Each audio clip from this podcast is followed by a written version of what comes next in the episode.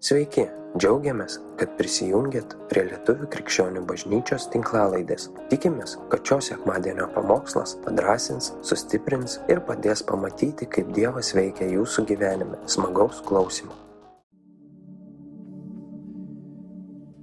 Kaip ir melžiuosi, aš visada esu labai nustebintas ir, ir nors aš nežinau, kodėl vis dar nustebintas, bet kiekvieną kartą, kai tu pamatai, kaip viskas sutampa, nuo giesmės iki liūdimo, iki tavo paruošto žodžio, atrodo, wow, tarsi mes nesusitarėm, bet taip gausi, kad viskas, viskas sueina į vieną.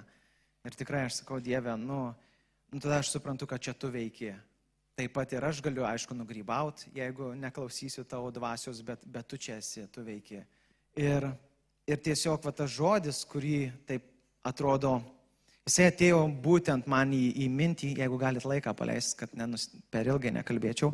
E, tas žodis, kuris atėjo man į mintį, jisai, manau, labai rezonuoja su, su dabartinė situacija, per ką mes einam kaip bažnyčia ir per ką eina, sakyčiau, gal netgi visas pasaulis ir į ką eina krikščionys, kaip, kaip, kaip, kaip viso pasaulio krikščionys, kaip, kaip Kristaus bažnyčia. Ir, ir aš vis klausau ir pats va, taip pat dalyvavau pasniko ir maldos savaitėje, dešimt dienų buvo. Ir irgi vyko labai įdomus dalykai. Bet kas pasnikavę, kas, kas esat varžę savo kūną, jūs žinot, kad nu, tai yra tam tikra kančia. Kančia gali būti e, pasnikauti, nevalgyti. Kančia gali būti neatsidaryti telefono. Kančia gali būti, e, man tas nebegali groti su gitara, nes kažkas ten atsitiko. Ir tai gali būti jam kančia. Jeigu jis labai trokšta grotis, trokšta šlovinti ir jam dabar yra kančia, jis to daryti negali. Kančia gali būti netektis, kančia gali būti lyga, kančia gali būti uh, artimo žmogaus mirtis. Vėlgi dabar, tai kaip mes suskirstysim, kur yra didelė kančia, o kur yra maža. Ir aš manau, mums net nereikia skirstyti. Nes iš esmės kančia, kurią mes jaučiame, tai yra mūsų atsakas, mūsų kūno, konkrečiai mūsų smegenų atsakas į tam tikrą dirgiklį - išorinį arba vidinį. Ir ar tai bus a, apsiliejimas kava, ar tai bus artimo žmogaus mirtis, tu vis tiek patirsi vienokią ar kitokią kančią. Ir vėlgi aš ne, nu, nenoriu dabar nuvertinti ir sakyti, kad kavos apsiliejimas yra toks pat kaip netektis artimo žmogaus. Aš tikrai to nesakau. Bet ką aš matau apskritai pasaulyje ir ne tik aš vienas, kad kančia egzistuoja ir egzistavo, egzistuoja ir tikriausiai egzistuos iki tol, kol Kristus sugrįž. Tai yra neišvengiama. Nesvarbu, ar tu esi krikščionis, ar tu esi nekrikščionis, ar tu tiki nežinau, drambliais, ar nieko netiki, ar visatos e, jėga tiki, tavo, kas mus visus vienyje, tai yra gyvenimo kančia. Mes ją visi patiriam, vienai par kitaip. Didesnė, mažesnė visi patiriam. Ir čia aš taip be, beskaitinėdamas tokį pamačiau, kas žino, Timotis Kelleris, kas gal esat skaitę jo knygas, jisai sako, vienas iš pagrindinių būdų, kaip pereinam nuo abstrakčių žinių apie Dievą prie realaus asmeninio susitikimo su juo yra kančios krosnis. Labai įdomi mintis, tai iš esmės jisai sako, kad vat, būtent, kadangi kančia neišvengiama, jinai gali jinai gali pasitarnauti mums į gerą. Ir aišku, tau kaip skauda, kai tu kenti, tu tikrai taip negalvoji. ok, einam toliau. E, Liujisas taip pat tikriausiai žinomas, apologetas, beje, Britas. Jisai irgi sako, pabandykite atmesti kančios galimybę, kuri tiesiog yra, bei laisvos valios egzistavimą ir jūs pastebėsite, kad atmetite patį gyvenimą. Čia Liujisas sako. Žmogus, kuris parašė ne vieną knygą, kuris buvo apologetas, kuris gyveno, sakyčiau, na, labai pavyzdinį gyvenimą. Ir netgi kai kurias knygas galite įsigyti knyginę pas mus jo. Jisai sako, nu, jeigu tu visą tai atmeti, tai iš esmės tu pastebi, kad netgi tas pas gyvenimas kaip ir dingo. Ir aš interpretuoju jo žodžius, kad jisai sako, be kančios tiesiog gyvenimas yra neįmanomas. Wow. Nu, nekokia pradžia. Tikrai nekokia pradžia, bet aš manau, kad jeigu mes būsime nuoširdus prieš save, mes, mes nusutinkam, kad nu, taip, taip yra. Vaikai neduoda miegoti. Nu, komon. Kažkam tai gali būti juokas, kažkam tai gali būti didžiausia kančia. Taigi gali kančia būti iš išorės, kančia gali būti realus, realūs kažkokie netektys ir taip pat kančia gali būti tiesiog tavo vidui, tavo išgyvenimai. Tu, ga, iš išorės gali dalykai būti seniausiai pasibaigę, bet tu vis dar gyvensi kančioj, kuri bus tavo galvoje. Ir tu išgyvensi tas, tuos pačius jausmus, tos pačios cheminės medžiagos įsiskirs tavo smegenyse, nors dalykai seniausiai yra pasibaigę, o tu vis dar gyveni kančioj. Aišku, kita kančia, kuri tiesiog ateina gyvenime, jinai nelauks, kol tu pabaigsi tą prieš tai gyventą kančią, jinai ateis ant viršaus. Ir tada aš sakau, tai vargšas aš žmogus, ką man daryti. Ir dar toliau šiek tiek pakapstom į kančią. Viena iš geriausių tokių istorijų apie kančią ir ją naudoja ir krikščionys, ir nekrikščionys, tai yra Jobo istorija. Ir mes žinom, kad nu, ten Jobui buvo rimtų reikalų. Pirmiausiai pasižiūrėkime, kad Jobo istorijoje iš jo yra paimamas turtas. Vėlgi mes dabar nekeliam klausimų, kodėl čia nuodėmė, nenuodėmė, čia velnės ar čia dar kažkas, mes net nekeliam tų klausimų, nes mes tiesiog dabar atsistojam, kad kančia egzistuoja ir ką mums su tuo daryti. Iš jo buvo yra atimamas turtas. Tada iš jo atimami artimieji. Jisai patiria vidinę kančią dalykai įvyko, tarsi jie pasibaigė, bet jis išgyvena, jis patiria vidinę kančią. Tada jį apninka lyga, atsiranda ir fizinė kančia. Ne tik viduje, bet jau fiziškai jaučiant savo kūno kančią dėl lygos. Tada, žinoma, e, aš panau, neganda e, visuomenės atstumimas. Jobas patiria visuomenės atstumimą, kadangi ateina draugai ir ten bando jį pamokyti ir visai jam net nepadeda. Žmona irgi, bet čia tikrai ne, nesureikšminčiau žmoną, tai gali būti vyras moteriai tiesiog. Ir galiausiai Jobas skundžiasi, sako, Dieve, kur tu esi. Tai galim sakyti, Jobas perina per visą tą tokį kančios spektrą, koks jis gali būti. Vidinė, išorinė, žmonių ir pačio Dievo. Einam toliau. Šiaip iš esmės visoji Biblijoje, aš netgi bandžiau e, surasti, kiek kartų yra paminėta žodis kančia įvairiuose formuose, par, e, radau, kad šiaip tiesioginis žodis kančiai yra paminėtas 240 kartų. Bet netiesioginė forma iš esmės yra daug, daug, daug kartų daugiau. Wow, tai kalbėsim šiandien apie kančią panašu. Ok, e, pradedam e, nuo pradžios. Abromas gauna Dievo pažadą. Ir ką su tuo daryti?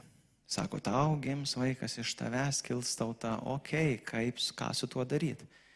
kadangi visi čia esam suaugę žmonės, žinom, kad vaikai negimsta tik sėdint. Tarsi turi būti kažkoks veiksmas. O Bromas bando imtis veiksmų, jie nepavyksta pradžioj ir jis patiria kančią. Ką dabar su tuo daryti? Dieve, tai tu pažadėjai. Jis patiria tiek vidinę, galiausiai tai išeina ir į išorę tą kančią. Ok, gimsta vaikas, pažadėtas, sako Dievas, nu va, labai gerai, dabar tu man jį paukok. Ir vėl kančia. Tarsi, kas vyksta Dieve? Aš jau atrodo tavim sekiau, tu man kalbėjai, tu man pažadėjai, dabar skai vėl atiduot? Ka, kas vyksta? Ir čia būtų galima gilintis be galo, bet tiesiog mes matom, Abromas patiria kančią. Ok, uh, Juozapas. Juozapas gauna iš Dievo pažadus, buvo toks Juozapas, kas nežinot. Jisai vienas iš brolių gauna iš Dievo pažadus, gauna e, sapnus, kad bus taip ir taip. Ir jis toks jaučiasi labai a, gerai, ne, džiaugiasi tais pažadais, žiūri į švie, šviesų rytojų. Ir šviesus rytojus ateina kaip didžiulė audra jo gyvenime. Nuo brolių atstumimo, nuo pardavimo, tada jau jis tarsi bando atsistoti ant kojų e, Egipte, tada vėl ten įvyksta kažkokie dalykai, jis įmetamas į kalėjimą. Nu, žodžiu, kančia, kančia, kančia, kančia. Juozapas. Ok, tada yra pranašas Jeremijas. Jisai sako, jisai pranašau, Dievas jam e, davė žodžius kalbėti tautai. Izraelio tautai, kalbėti apie tai, kad jeigu jie neatsisuks į jį, tiesiog įvyks tam tikri dalykai tautai. Ir, bet kas įdomiausia, kad Jeremijui Dievas sako, jo, tu kalbėk, bet jie tavęs neklausys. Wow. Jeremis patiria kančią, jisai sako, nu komon, kas, kaip, kodėl, ta prasme, aš dabar, įsivaizduokit, Dievas jums sakys, tu dirb darbą, aš tave skiriu, deimantai, dirbti tam tikrą darbą, bet žinai, tau, nie, tau niekad jo ir nepavyks padaryti. Wow, ačiū Dievui, aleliuja. Nu ne, nu tu patiri kančią. Tu patiri kančią, komon, ta prasme, kodėl? Dieve, kodėl? Kur tas klėstėjimas, kur dar kažkas? Tu iškart man sakai, kad nepavyks. Ok, Jeremijas, einam toliau. Danielius buvo toks Danielius su, su kitais draugais, čia jie buvo izraelitai, jie ištremti į Babiloną, juos paima karalius, paskiria tam tikrose pareigose. Vien tik tas jau ištrėmimas į Babiloną, nu komon, tai yra kančia. Tarsi, tave ateina armija, tais laikais ten tikrai niekas nesistatskino, ateina armija, tai ištrėmi kažkokią svetimą tautą, jaučia kančią. E, tikriausiai tavo akise miršta tavo artimi žmonės, nes tai yra karas.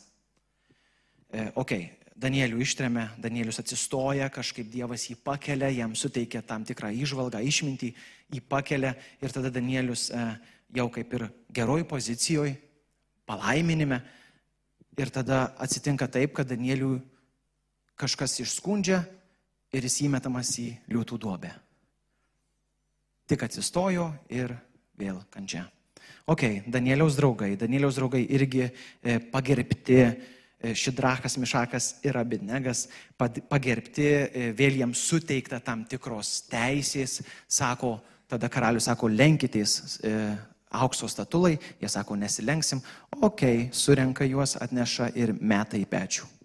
Tarsi, sudegina. Vėl kančia. Ok, Dovydas. Dovydas pateptasis.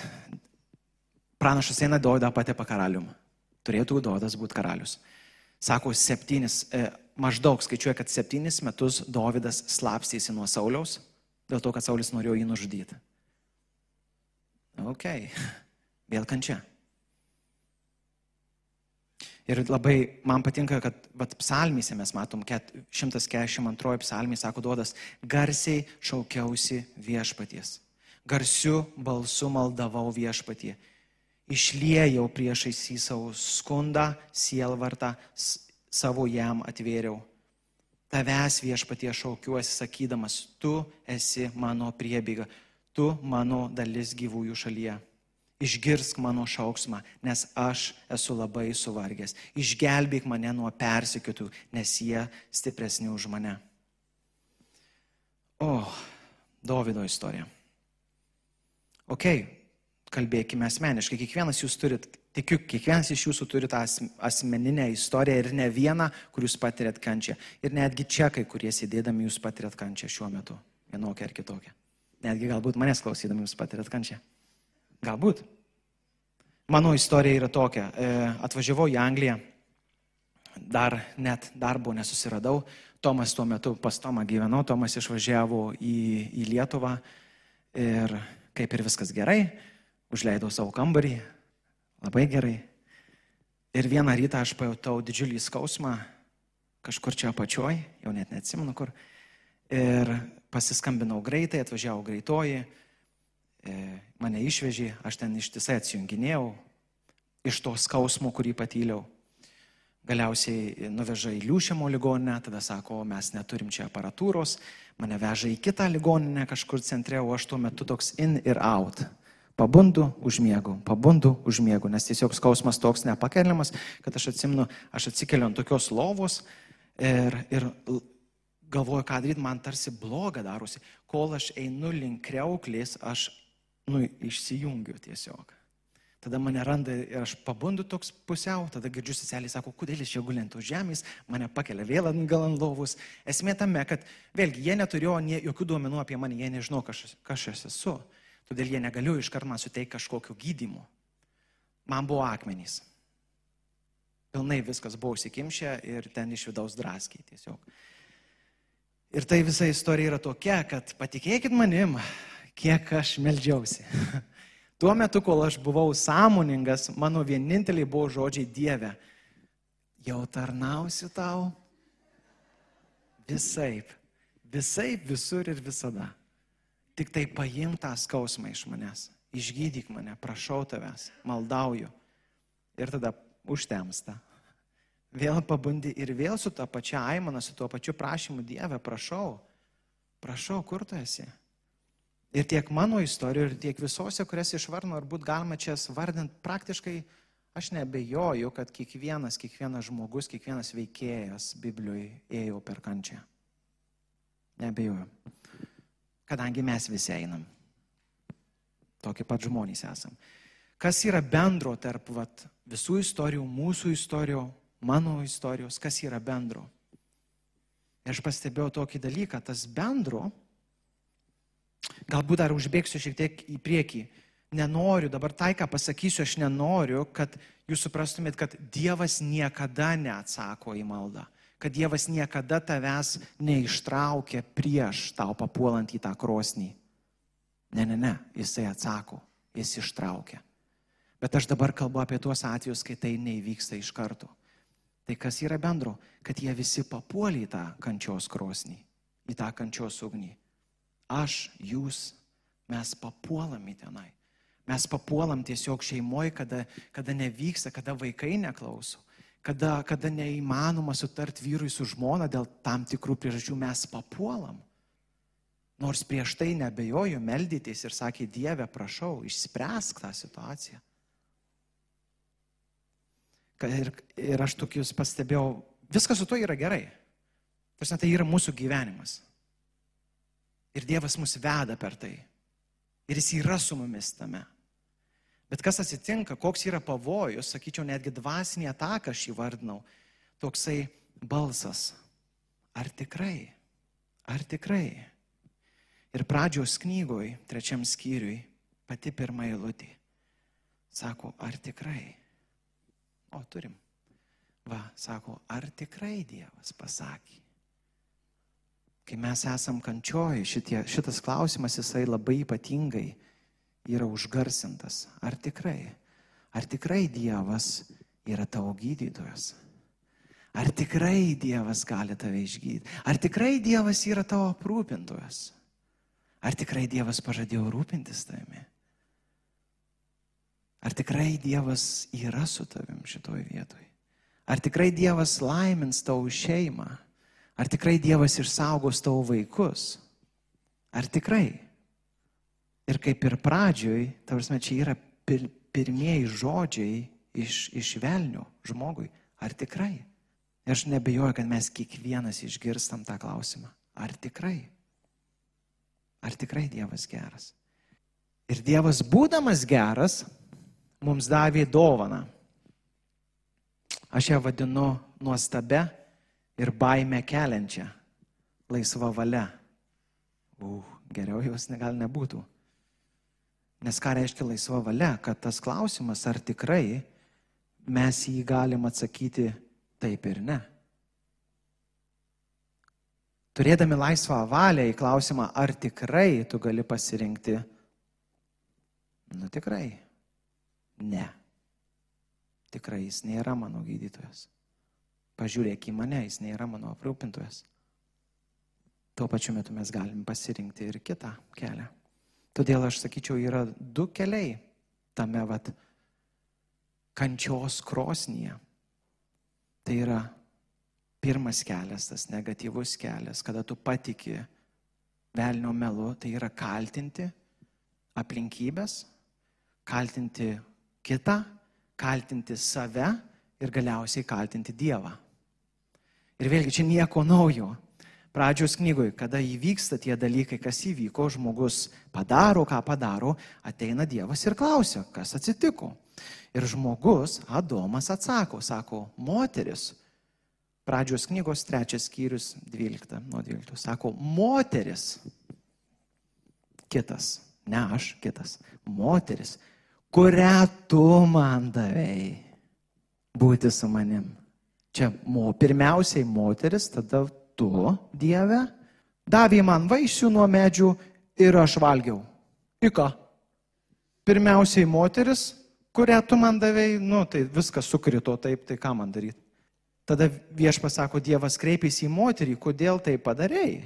Moteris atsakė, žaltys. Mane apgavo ir aš valgiau. Man įdomu, kad dar moteris pripažįsta, kad buvo apgauta. Bet sako, ir aš valgiau. Ir mes matom, kad va, tas toks kaltinimas kito yra toks žmogiškas nuo pat pradžių, kiekviename iš mūsų. Čia kitas, ne aš. Čia kitas, ne aš.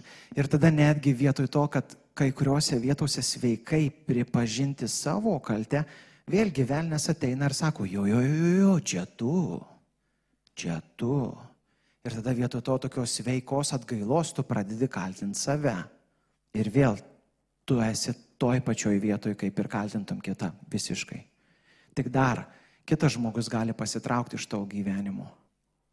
O kai kaltini save, va čia nieks nepasitrauks. 24 valandas su tavim.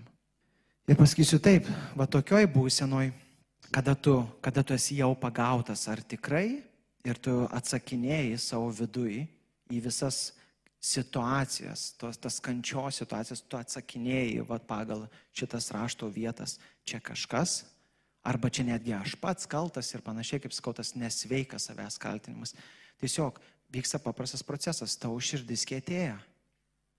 Labai paprastai. Tavo širdis kėtėja prieš žmonės, tavo širdis kėtėja prieš artimą, galiausiai tavo širdis kėtėja prieš Dievą. Ir tai neįvyksta staiga per kelias sekundės. Viena situacija, ar tu jau užkėtėjęs. Ne, ne, ne. Jinai kėtėja palaipsniui. Ir tada būdamas, kad ir krikščionis, nekrikščionis, nesvarbu, kas tu esi, tu tiesiog atsirandi tokioj vietoj, kaip tu jautiesi, kad visi, visi, absoliučiai visi yra prieš tave. Tada galiausiai, kai bandai ieškoti išėjimų, sprendinių, velnas taip užsuka, kad tu, tu pamatai, kad tu esi ir pats prieš save. Ir absoliutus labirintas. Nėra išėjimų, taip skamba. Ir aš galvoju, man asmeniškai buvo toks aš, tie žodžiai, kad kai yra romiečiams, sako, be to žinome, kad viskas išeina į gerą, mylintiems Dievą, būtent jo valia pašauktiems man buvo laikas, kai tie žodžiai skambėjo taip. Be to, žinome, kad viskas išeina į blogą. Aš juos taip girdėjau, nes aš mačiau rezultatus savo gyvenime. Kaltinau kitus, kaltinau Dievą, kaltinau save. Tai kur tas geras?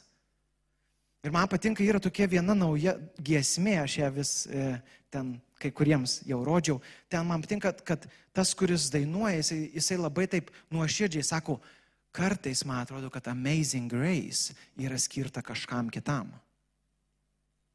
Aš galvoju, wow, kaip dažnai vis dar aš atsirandu toj vietoj, kai aš galvoju, kad Amazing Grace, ta nuostabi malonė Dievui yra kažkam kitam, bet ne man. Dėl ko? Dėl to, kad aš esu kančioj ir nesuprantu kodėl.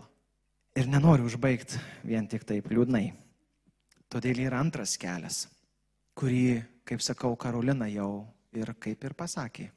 Tai yra išlieti savo skausmą Dievui, pasirinkti tikėti juo, kad jis veikia toje vietoje ir yra su tavim, nepaisant visų aplinkybių. Vėlgi Timotis, Timotis Kelleris sako, kūrenama krosnis, kančios krosnis automatiškai nepadaro mūsų geresniais. Būdami ugnyje turime atpažinti Dievą nuo jo priklausyti ir su juo kalbėtis ir tikėti. Pats Dievas Izaijo 43 skyriui sako, kad jis bus su mumis ir vaikščios šalia mūsų ugnyje. Asmeninis jo pažinimas mūsų kančios metu yra raktas į tai, kad taptume stipresni, o nesilpnesni. Ok, jeigu Timotilis Kelleris nieko nesako, Jono Jono Evangelijų 16 skyriui 33 eilutė Kristus sako, aš jums tai kalbėjau, kad man jie turėtumėte ramybę. Pasaulyje jūs patirsite priespaudą, bet būkite drąsūs. Aš nugalėjau pasaulį. Ok, pirmas Petro, penktas skyrius, šešta eilutė.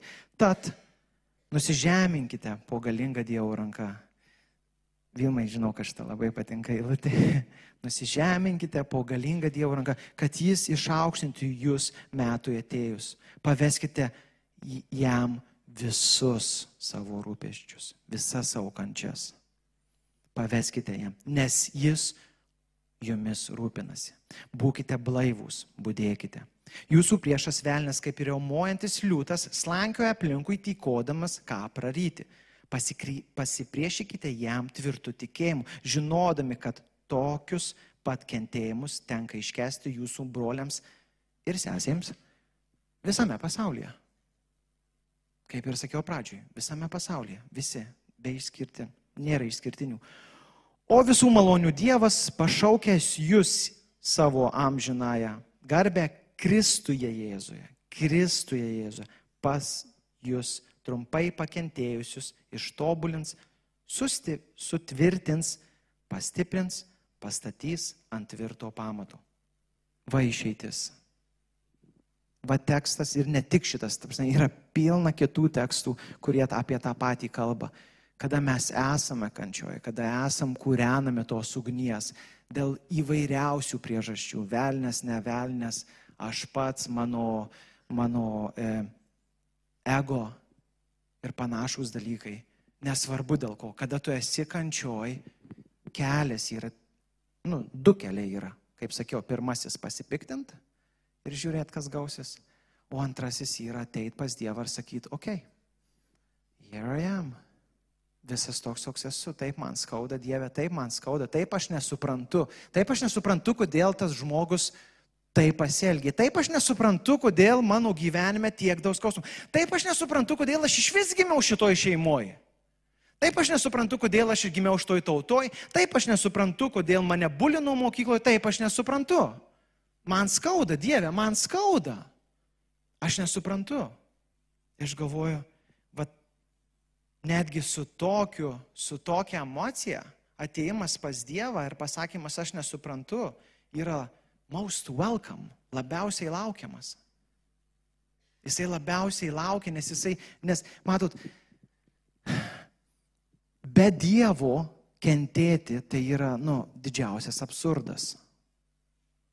Ir kaip sakau, kenčia visi, ir krikščionys, ir nekrikščionys. Tai būdami mes krikščionys, turėdami Kristų, nu, mums kentėti Paulius Aišku, čia jau taip drąsiai, aš dar nesu toks drąsus, sako, džiaukitės kentėjimais. nu gal kitas pamokslas bus apie tai po kelių metų. Bet dabar ateik su tuo skausmu pas Dievą. Ateik, nepasilik vienas, nes tu vienas pasilikęs viskas. Ta prasme, nu realiai, skausmas yra tikras, kančia yra tikra. Ir jeigu ne Dievas, tai ateis kitas, kuris tau sakys, ar tikrai. Daug citatų tokių išsirašiau. Ir dar vieną citatą visai pabaigai. Sako Čarlzas Stenlis. Irgi gal kažkam žinomas.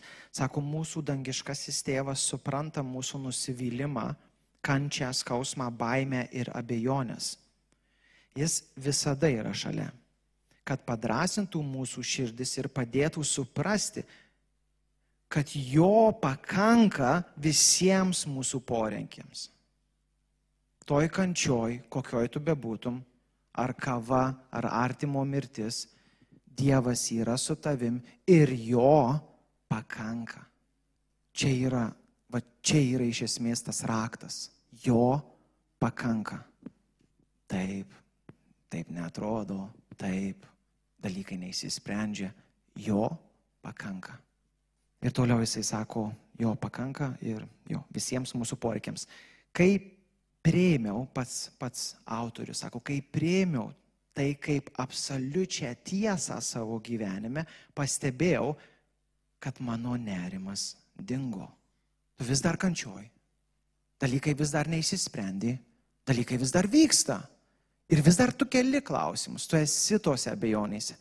Bet sako, kad aš priėmiau, kad Dievo man pakanka, kaip absoliučią tiesą, mano nerimas dingo. Kristus sako, aš jums duodu ramybę. Prieš tai skaitėm, sako, aš jums duodu ramybę. Aš jums duodu ramybę. Ne jūs ją susikūrėt, ne jūs pabėgat nuo kančios, ne jūs išsprendžiat, panaikinat kančios objektą. Ne, ne, ne. Būdami kančioj, pasilikdami manyje su visa nežinia, aš jums duodu ramybę. Ir kodėl aš tai pamokslauju, kodėl aš apie tai kalbu, nes kaip ir minėjau pradžioj, aš tikiu, kad bažnyčia dabar eina per tam tikrą laiką, kur mes patiriam tam tikras kančias.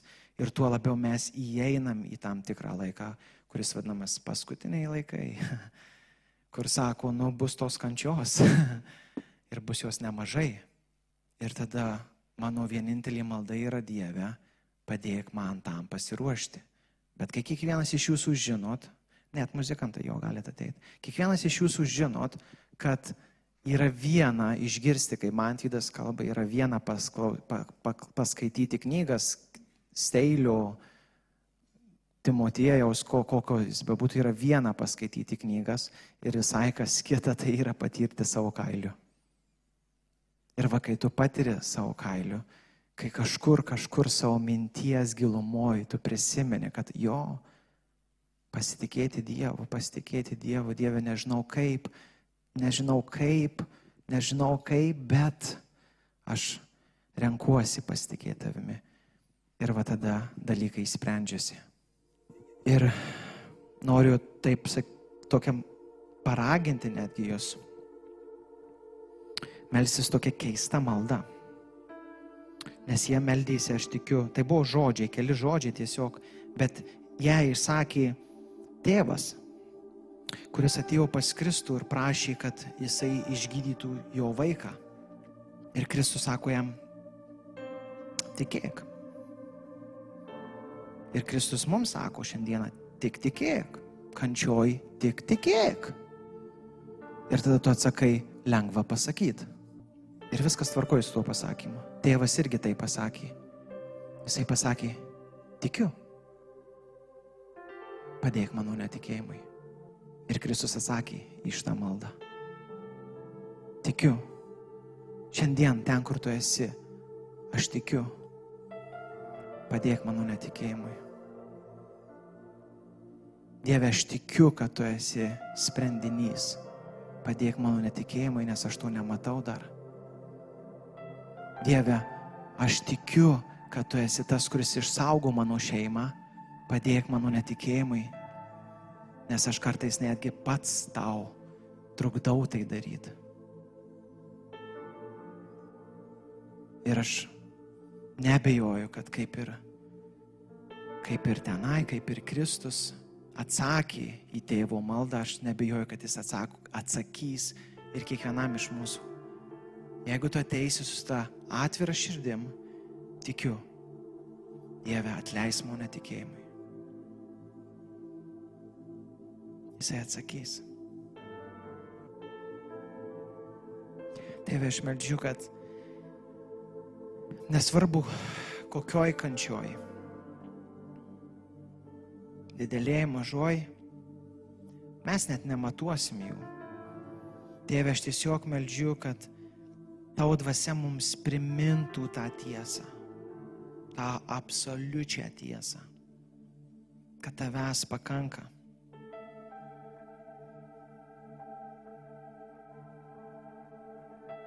Kad netgi tom akimirkom, kuomet mes nesuprantam, kaip išspręsti dalykus, tavęs pakanka.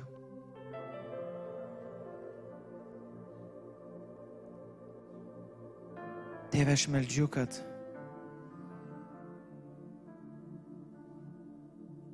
kaip kariai eidami į mūšį prieš tai turi treniruotės, taip aš melčiu, kad ir mus Dieve tu ruoštum.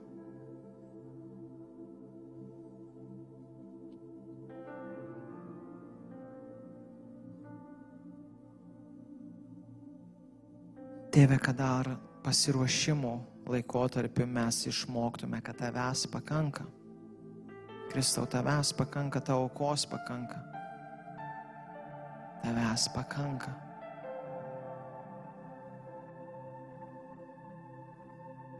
kad mes būtume atvira širdim išsakyti savo skausmą ir atvira širdim priimti tiesą tavęs pakanka. Tėve, aš meldžiu, kad žmonės netgi skausme liūdys apie tavo gerumą. Žmonės dar būdami kančios krosnį liūdys apie tavo gerumą, kad tavęs pakanka.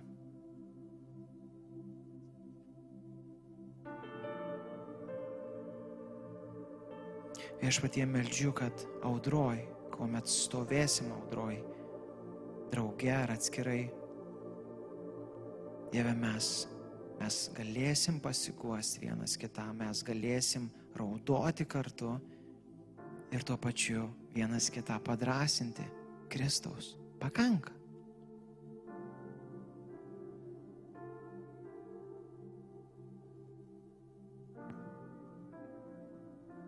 Ir Dieve meldžiu už tuos, kurių širdys jau užkėtėjo,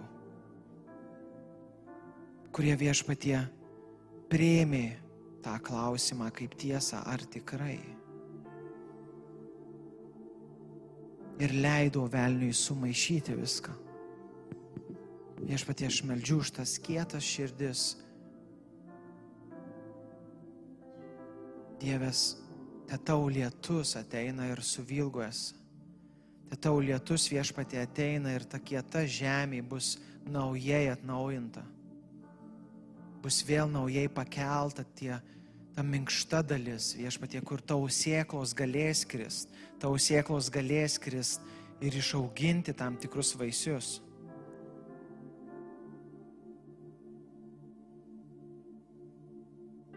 Viešpatie, aš meldžiu už tas kietas širdis, kurios, kurios visos yra apdovanotos, tėve, nei vieno nepalikai nei vieno nepamiršai, Dieve, aš meldžiu, kad tos, tose kietose širdyse viešpatė ateis pavasaris. Ir Dieve, tos dovanos, tas, tas tau šlovės viešpatie pasireiškimas bus matomas per tuos žmonės. Dieve, aš tiesiog skelbiu, aš pranašauju viešpatie, kad kieto širdys viešpatie pakils kieto širdys viešpatie pakils, bus suminkštintos viešpatie ir naujai dar kaip neregėjom viešpatie neš šlovę tau šitoj žemėje. Jie viešpatie bus tie kariai, kaip Karūnas sakė, jie bus tie viešpatie kariai, kurie stiprių, stiprių pasiruošimo atėjo. Ir dabar sako, žinau, kad žinau.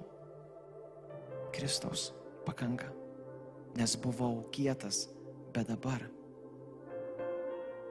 bet dabar Kristus man pakanka. Amen. Ačiū, kad klausėte. Tikimės, kad likote įkvėpti. Spausk prenumeruoti, kad nepraleistum kitų įkvepiančių pamokslų. Daugiau apie mus rasite lifeinanchurch.org bei Facebook, Instagram ir YouTube paskyrose.